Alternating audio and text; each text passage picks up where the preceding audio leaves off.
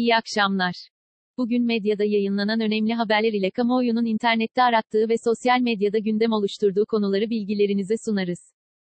Turistler hafta sonu sokağa çıkma yasağından muaf İçişleri Bakanlığı, Yükseköğretim Kurumları sınavı nedeniyle 81 ilde hafta sonu uygulanacak olan sokağa çıkma kısıtlamasına yönelik genelgeyi il valiliklerine gönderdi. Böylece cumartesi günü 9.30 ile 15 saatleri arasında, pazar günü 9.30 ile 18.30 saatleri arasında kısıtlama uygulanacak hafta sonu uygulanacak kısmi sokağa çıkma kısıtlamasından, yükseköğretim kurumları sınavının yapılacağı okulların etrafındaki kırtasiyelerde çalışanlar muaf tutulacak, yerli ve yabancı turistler, rezervasyon yaptırdıkları konaklama tesisine uçak, otobüs gibi toplu taşıma araçları veya özel araçlarıyla gidebilecek.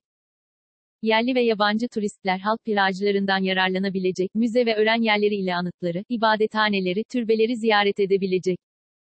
Avrupa Birliği Komisyonu'ndan 11 Türk kuruluşuna destek, Avrupa Birliği Komisyonu, nanoteknoloji, ileri malzemeler, biyoteknoloji, ileri imalat ve işleme teknolojileri alanında proje üreten 11 Türk kuruluşuna 4,4 milyon euroluk hibe desteği verecek. TÜBİTAK'tan yapılan açıklamaya göre, Ufuk 2020 programının endüstriyel liderlik ve rekabetçilik bileşeni altında bulunan alanlar kapsamında yapılan başvurulardan 11 Türk kuruluşunun yer aldığı 8 farklı proje Avrupa Birliği Komisyonu tarafından desteklendi. Manisa'da 5.5 büyüklüğünde deprem, merkez üssü Manisa'nın Saruhanlı ilçesi olan 5,5 büyüklüğünde bir deprem meydana geldi. Saat 10.21'de olan deprem İzmir, Bursa, Balıkesir, Aydın, İstanbul, Kütahya ve bölgedeki birçok ilde hissedildi. Afet ve Acil Durum Yönetimi Başkanlığı depremin 9,29 kilometre derinlikte gerçekleştiğini açıkladı. Manisa Valisi Yaşar Karadeniz depremin Kumkuyucak Mahallesi merkezli olduğunu ve valiliğe intikal eden herhangi bir hasar ihbarının olmadığını ancak araştırmaların sürdüğünü bildirdi.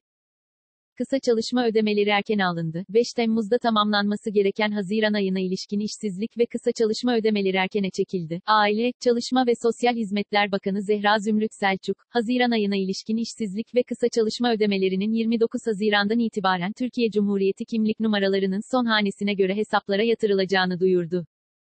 IBAN bilgileri bulunmayan vatandaşlara da PTT üzerinden ödemelerin yapılacağını da hatırlatan Bakan Selçuk, TC kimlik numaralarının son hanesi, 0 olanlara 29 Haziran'da, 2 olanlara 30 Haziran'da, 4 olanlara 1 Temmuz'da, 6 olanlara 2 Temmuz'da, 8 olanlara ise 3 Temmuz'da ödemeler yapılacak, açıklamasını yaptı.